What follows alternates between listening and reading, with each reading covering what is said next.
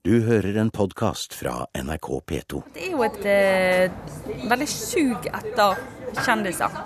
Og et sug etter personer som vil fortelle sin historie. Jeg er villig til å gi eh, veldig, veldig veldig mye av meg sjøl, men ikke eh, knytta til mine nærmeste. Kurer skal handle om det populære portrettintervjuet. Mange har vel et inntrykk av at det er en sjanger på vei ned, på vei ut. Men eh, sånn ser ikke det lesende publikum på det. altså. Hvordan er det å lese om seg sjøl i helgemagasinene? Jeg husker bare at jeg ikke likte den der overskriften 'Rai, rai, ragde'. Det er ikke meg helt tatt. Jeg forteller ikke groviser på fest engang. Jeg rydder hvis jeg skal fortelle groviser.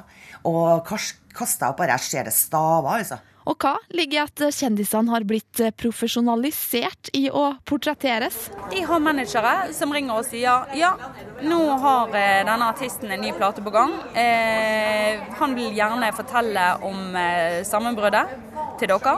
Så forteller han om hesteinteressen til VG Helg. Og så er han lørdagsgjest eh, i Dagsrevyen, og da viser han eh, sin nye hverdag med sin nye kone og sitt lille barn. Kurer.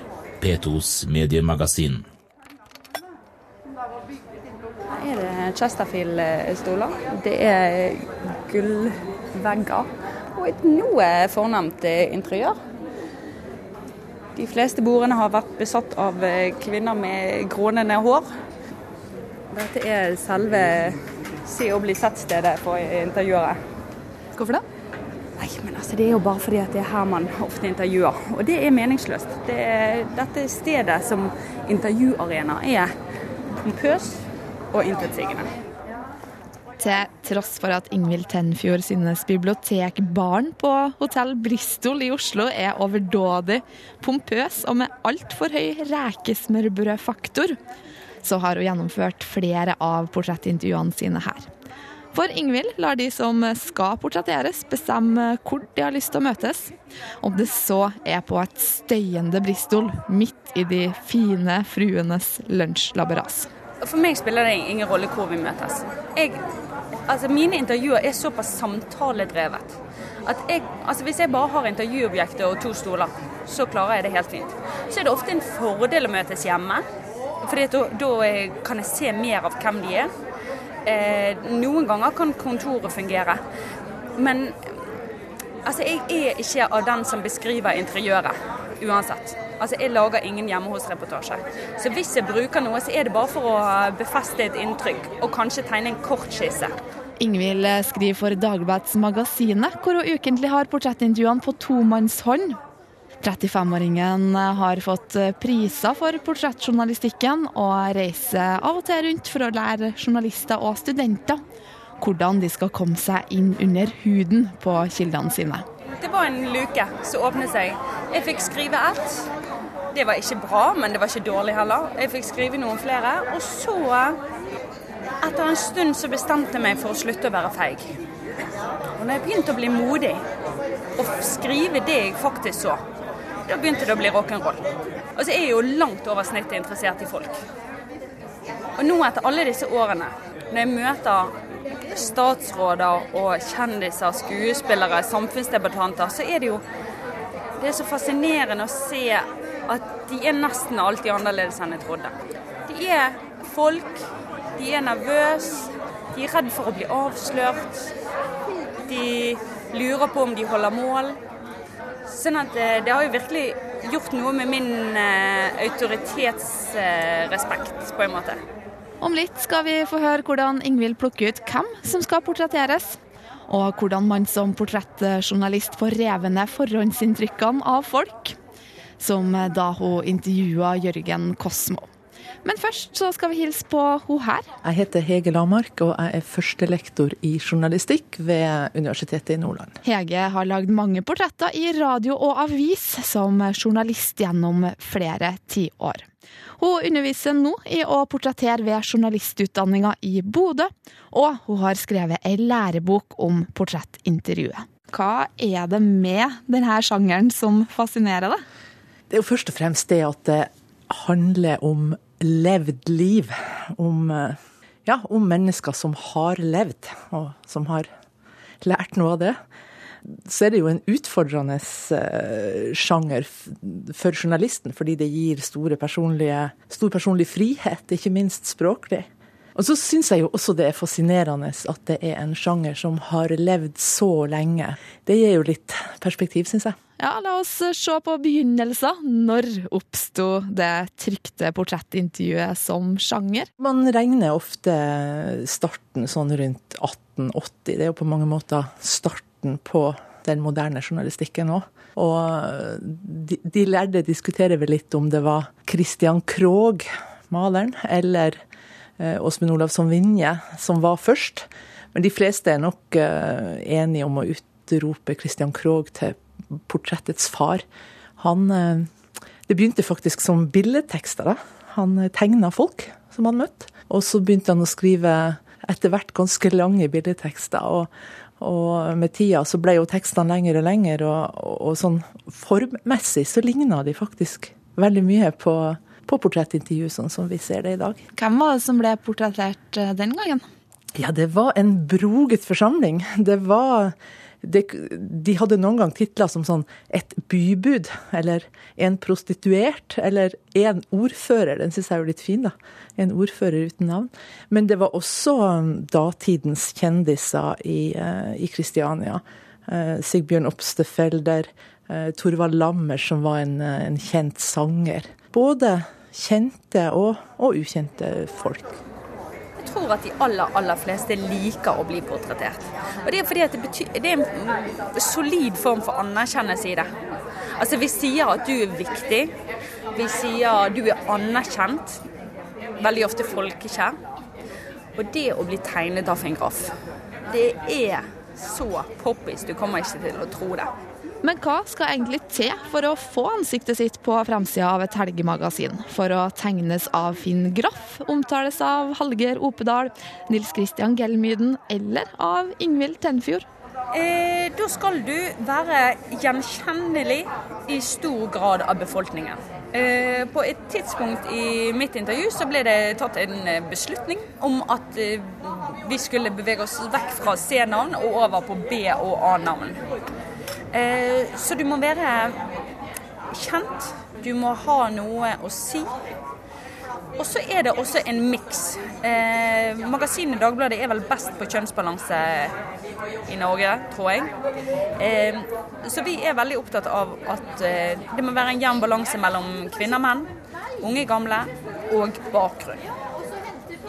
Hvem er det som bestemmer hvem som blir portrettert? Altså det er, Jeg kan komme med innspill, sjefen min kommer med innspill, og så har vi en navnegruppe av journalistene som drodler frem navn. Um, sånn så Til neste uke så vet jeg at jeg må intervjue en mann med næringslivsbakgrunn. Og så arbeider vi ut ifra det. Og det er fordi at det er en kvinne i hovedportrettet med underholdningsbakgrunn. Hvem er det som blir portrettert i norske medier i dag? Ja, det er middelaldrende menn med framskutte posisjoner. Eh, det har faktisk, det her er litt nedslående, fordi at um, som lærer så ivrer jeg jo for å ja, motivere kommende journalister til å portrettere mange slags folk. Eh, så jeg var ganske spent når jeg gikk i gang med, med denne boka på har det faktisk forandra seg. Og sannheten at nei, det har det ikke. Det er veldig mye som er sånn som det var på 90-tallet, på 80-tallet. Det er mm, stor mannsdominans blant de som blir portrettert. Og det er aller mest eh, godt voksne folk. Den største gruppa er mellom 40 og 49 år. Og det er mm, jeg tror det er bare to av ti portrettobjekt i de største avisene i Norge som er under 39 år. Kurer fra Norsk Rikskringkasting. Ja, her er gamle kjøkkenet mitt, da, som alle sammen sier at jeg må pusse opp. Fordi det er så realøst, men jeg er jo så glad i det. Men det er veldig innbrukt, da. Og jeg er fryktelig, fryktelig glad i, i kjøkkenet mitt, altså. Og blåbordet. Jeg kan ikke bo noen plass uten blåbordet mitt. Har det funnet sted noe portrettintervju her? Ja, det skal jeg love deg. Over det blåbordet her har det funtes har det skjedd en del portrettintervjuer, ja. Absolutt. Hun er blitt intervjua om sin egen person i aviser, ukeblad og magasiner, på TV, radio og nett. Og mange journalister har møtt forfatter Anne B. Ragde der vi møter henne, rundt et stort blåmalt furubord på kjøkkenet hennes i Ila i Trondheim. Hvordan er det å sette seg ned i lag med en journalist og skal bli portrettert og legge ut om seg sjøl? Det er alltid veldig spennende, eh, fordi at eh, det er jo veldig ofte journalister som jeg ikke har truffet før.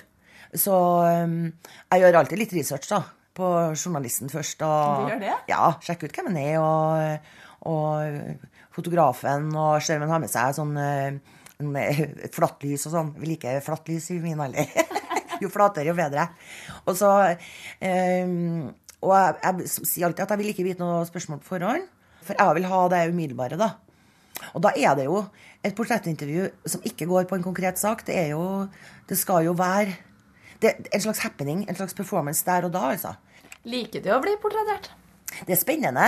Litt fordi at eh, jeg er lite pretensiøs. Jeg er ikke redd for å svare feil eller si noe teit. eller noe sånt. Sånn at jeg er alltid spent på spørsmålene. Nemlig. Eh, og dem er overraskende friske og nye, altså. Eh, det må jeg virkelig berømme journalistene for. At de eh, overrasker meg stadig med spørsmål. Og, eh, så jeg syns det er veldig spennende. Hvis jeg hadde vært kongehuset eller eh, Trygve Hegnar og, sånt, og skulle tilsendt eh, alle spørsmålene på mail på, for, på, på forhånd, så hadde det jo blitt en dødkjedelig jobb, så det gidder jeg jo virkelig ikke. Eh, Det må jo være der og da det skjer, altså. Altså Før så var det jo ett portrett i Aftenposten. Og så forsvant det, og så er det portrett i magasinet. Men altså nå, altså nå er det jo oppstått en slags hybrid. Eh, som vi kan kalle personintervjuet. Det er ikke de stramme sjangerrammene til et portrett, men det er trynet. Og det er mange sånne tryner som trengs for å fylle den stadig større floraen av aviser, ukeblader, helgemagasiner, innstikk. Sånn at det er jo et, et, et veldig sug etter kjendiser. Og et sug etter personer som vil fortelle sin historie. Vi er tilbake på Hotell Bristol med avisportrettør Ingvild Tenfjord. Et litt bråkete sted som hun har foreslått. Det er nemlig her mange av de kjente personene hun møter vil treffes. Personer som vil fremstå med et plettfritt ytre, og som gjerne opererer med såkalte PR-pakker som tilbys journalistene. Dessverre så er det sånn at nesten alle vi snakker med, de har noe å selge. Enten en plate, en bok, et produkt eller bare seg sjøl. Så det vil si at i den grad norske journalister er blitt mer og mer profesjonalisert, så er også kjendisene blitt det. På hvilken måte? De har managere som ringer og sier ja, nå har eh, denne artisten en ny plate på gang. Eh, han vil gjerne fortelle om eh, sammenbruddet til dere. Så forteller han om hesteinteressen til VG Helg. Og så er han lørdagsgjest eh, i Dagsrevyen hvis han er skikkelig skikkelig poppis. Og da viser han eh, sin nye hverdag med sin nye kone og sitt lille barn. Hva tenker du om det, da? Jeg tenker at det er sånn det er. Men altså, jeg forstår at de gjør det. Fordi at altså, igjen Vi er profesjonalisert, hvorfor skal ikke de være det? Men å godta det Vel, altså, du velger jo om du vil spille med på det. Så kan du akseptere det da og si sånn Ja, vi snakker om sammenbruddet. Men det er jo opp til meg som journalist å velge hva for noen spørsmål jeg stiller. Jeg tror at det er mye mer tydelig i dag. Eh, Mens jeg sjøl jobba som journalist, så innbiller jeg meg i hvert fall at jeg hadde større tilgang til de portrettobjektene jeg ønska å portrettere. Det var ikke så vanlig med så mye PR-rådgivere og strateger og så mye kontrollert eh, offentlig opptreden som, eh, som vi ser nå. Og har en veldig lighter der nå. Når er det man gir portrettintervju? Er det i forbindelse med at det slippes i bok, eller kan det være når som helst? Ja, det er når som helst. Det er aldeles når som helst, altså. Det, da sitter jeg med redaksjonene og tenker hvem skal vi ha på, på Hvem er det lenge siden vi har hatt? Hvem i mediebildet? Hvem har bok? Hvem har ditt? Hvem har nytt teaterstykke? Hvem har sp- spiller en hovedrolle i eh, Og så ryktes det også fort hvem som er håpløse intervju. Eh, så i redaksjonene så vet man jo alt det der. Og så vet de at Anne er veldig grei å intervjue. Og det var det ikke så lenge siden vi hadde portrettintervju. Jo, forresten, det er lenge nok, vi spør hun. jeg har litt følelsen av det av og til. Kurer. P2s mediemagasin. Jeg husker bare at jeg ikke likte den overskriften 'Rai, Rai, Ragde'. Det er ikke meg i det hele tatt. Jeg er ikke noe Rai, Rai Jeg forteller ikke groviser på fest engang. Jeg rødmer hvis jeg skal fortelle groviser. Jeg kan skrive dypt erotiske romaner, men å fortelle grovis på en fest, det gjør jeg ikke. Og kaster jeg opp bare jeg ser det staver, altså. Så, så jeg er ikke noe rai-rai. Eh, Men det må gå an å være glad og ha livsglede uten å være eh, sånn rai-rai i rumpa di, altså. Hvordan portrettere noen som har blitt beskrevet i det vide og breie før? De fleste som har lest om Anne B. Ragde, har hørt om høy champagne- og sigarettføring, og hyppige latterbølger. Er det en rolle som det må tegne sjøl, eller er det journalistene som tegner? Nei, jeg flirer mye, jeg. Og røyker mye. Og eh, når så mye champagne drikker jeg faktisk ikke. Eh, Det er når det er spesielle anledninger. Jeg er mer på kaffe og te. Eh, eh, Eller hvitvin. Men, eh, og Cola Light. Jeg er nesten litt avhengig av Cola Light. Men, eh, men det er klart at eh, det var et image som ble. For jeg var så innmari glad når jeg tok av liksom ordentlig med trilogien. Så var jeg så himla glad hele tida. Og, og det Jeg våkna, jeg våkna av at jeg flira om morgenen, altså. Lo alene i senga og flira. For det var så mye artig som skjedde. Og da skal det godt gjøres at ikke portrettøren griper fatt i det, da. Men er det noe dårlig image å ha det, da? Og flire og røyke og drikke sjampis? Nei, det kan jeg leve fint med. Altså, det er veldig lett å gå i de opptråkkede sporene, sant? Hva er eksempel på det? f.eks. Ane B. Ragde. da. Hun, hun er en veldig tydelig person, eh, som fremstilles til tider karikert. Det tror jeg at hun tjener på. Eh, for det første så gjør det hun veldig salgbar. Eh, og ikke minst så trenger hun ikke da å være så privat. Dette er min teori, jeg vet ikke om det er riktig. Men jeg tror at ved å være på en måte rollen Anne B. Ragde er det? det er jo den der eh, festens midtpunkt Nei, la oss ta en sjampis, jenter. Men på den måten så unnslipper hun jo veldig effektivt å være den private Anne B. Ragde. Og hun trenger ikke å være sår. Hun trenger ikke å være bekymret. Det som er Problemet er at, at så mange journalister aksepterer den rollen. Og så bare er de med å bygge opp under den ved å stille de samme spørsmålene som er blitt stilt før. Jeg syns han spør veldig mye bak den. Men det er liksom eh, ramma, billedramma rundt portrettintervjuet blir ofte det. Det registrerer jeg gang på gang, og, det syns jeg som sagt ikke er så rart. Og samtidig så merker jeg jo veldig positive effekter av det også. Kvinnfolk kommer bort til meg og sier 'Å, du er så tøff som tør å si det du mener hele tida', og, og, og tør å si at du kan drikke sjampis på en tirsdag, og, og jeg syns det er så tøft at du, at du bare slår ut håret og er deg sjøl. Så det er jo helt åpenbart at det, det er mye kvinnfolk som, som har sansen for det. Man kan eh, gjøre, definere livet sitt sjøl. Anne B. Ragde kjenner seg igjen i mediefiguren som er tegna av henne. Men da portrettør Ingvild Tenfjord skulle skrive om Jørgen Kosmo for noen år siden, ble stemninga elendig da hun tok med seg forutinntattheter inn i samtalen med den daværende stortingspresidenten. Satt på hans kontor, og dette var, dette var før jeg jeg, frem, jeg var såpass fersk fremdeles at jeg, jeg hele tiden håpet at intervjuet skulle gå bra. Og så var det det at jeg, han fortalte meg at han likte opera. Og så plumper jeg uti med spørsmålet opera, liker du opera? Jeg trodde du var mer folkelig enn finkulturell. Og det som skjedde da, det var det at Jørgen Kosmo ble stein forbanna. Han hisset seg opp. Han synes at det var utrolig irriterende å bli satt i bås. Og det som skjedde her, det var at han skjelte meg ut. Så porselenskroppene ristet. Jeg visste ikke hva jeg skulle gjøre, jeg hadde bare lyst til å krype sammen som en liten mus. Men det som skjedde, det var egentlig vidunderlig og fantastisk. For det er Jørgen Kosmo, snekkersønnen, fagforeningslederen som arbeidet seg opp til å bli stortingspresident. Han har liksom hele sitt liv blitt satt i bås. Han er blitt så mye undervurdert. Det er så mange Oslo-folk spesielt og som skulle si at han var på ene måten eller andre måten pga. hans bakgrunn.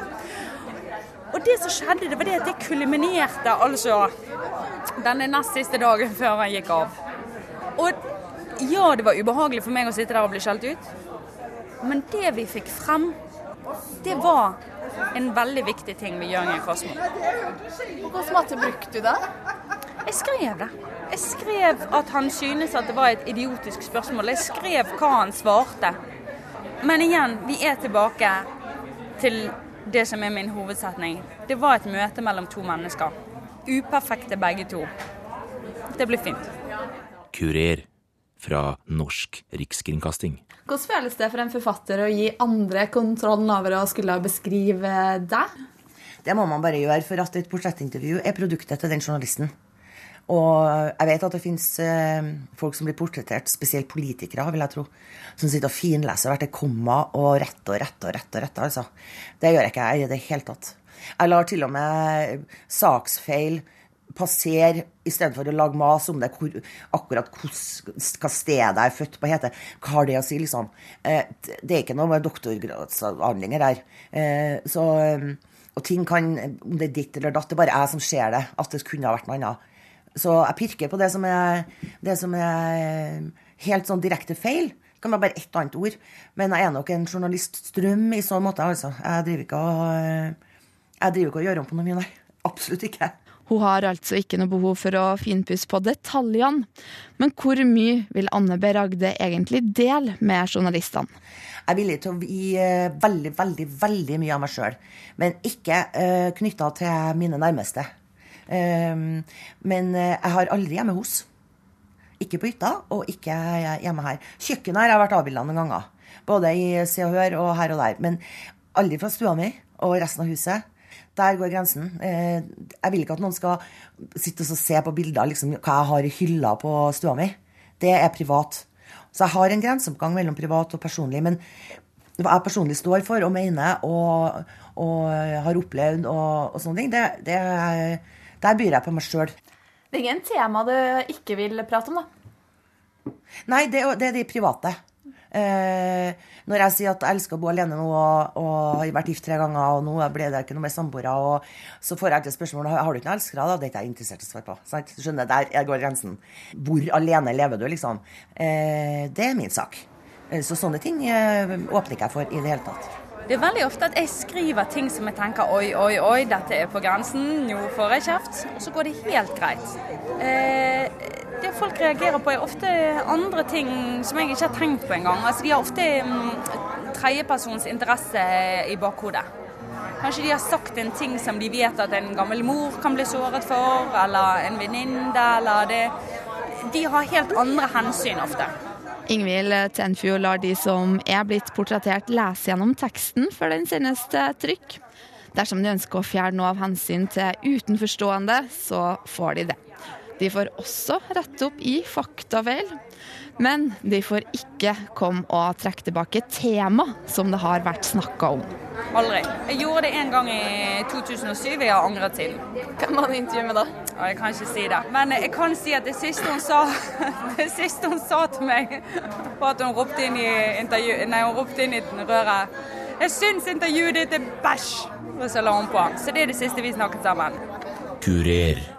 P2s mediemagasin. Hvor populært er portrettet som sjanger?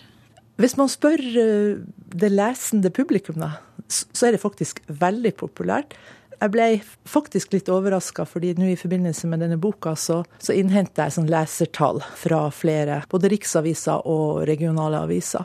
Og det viser seg at eh, portrettintervjuet det scorer liksom helt på topp blant eh, featuresjangrene i, i disse avisene. Det, det, var en overraskelse fordi at mange har vel et inntrykk av at det er en sjanger på vei ned, på vei ut. Men eh, sånn ser ikke det lesende publikum på det. altså. Portrettet er godt likt, forteller Hege Lamark.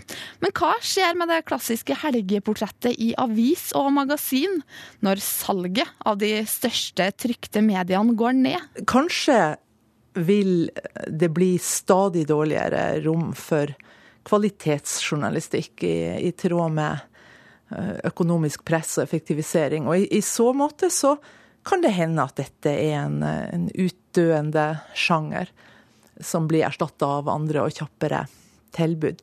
Men det, jeg er slett ikke sikker på at det behøver å, å gå den veien heller. fordi det er noe med denne gamle sjangeren, portrettintervjuet, som, som har sånn sammenheng med, med det allmennmenneskelige.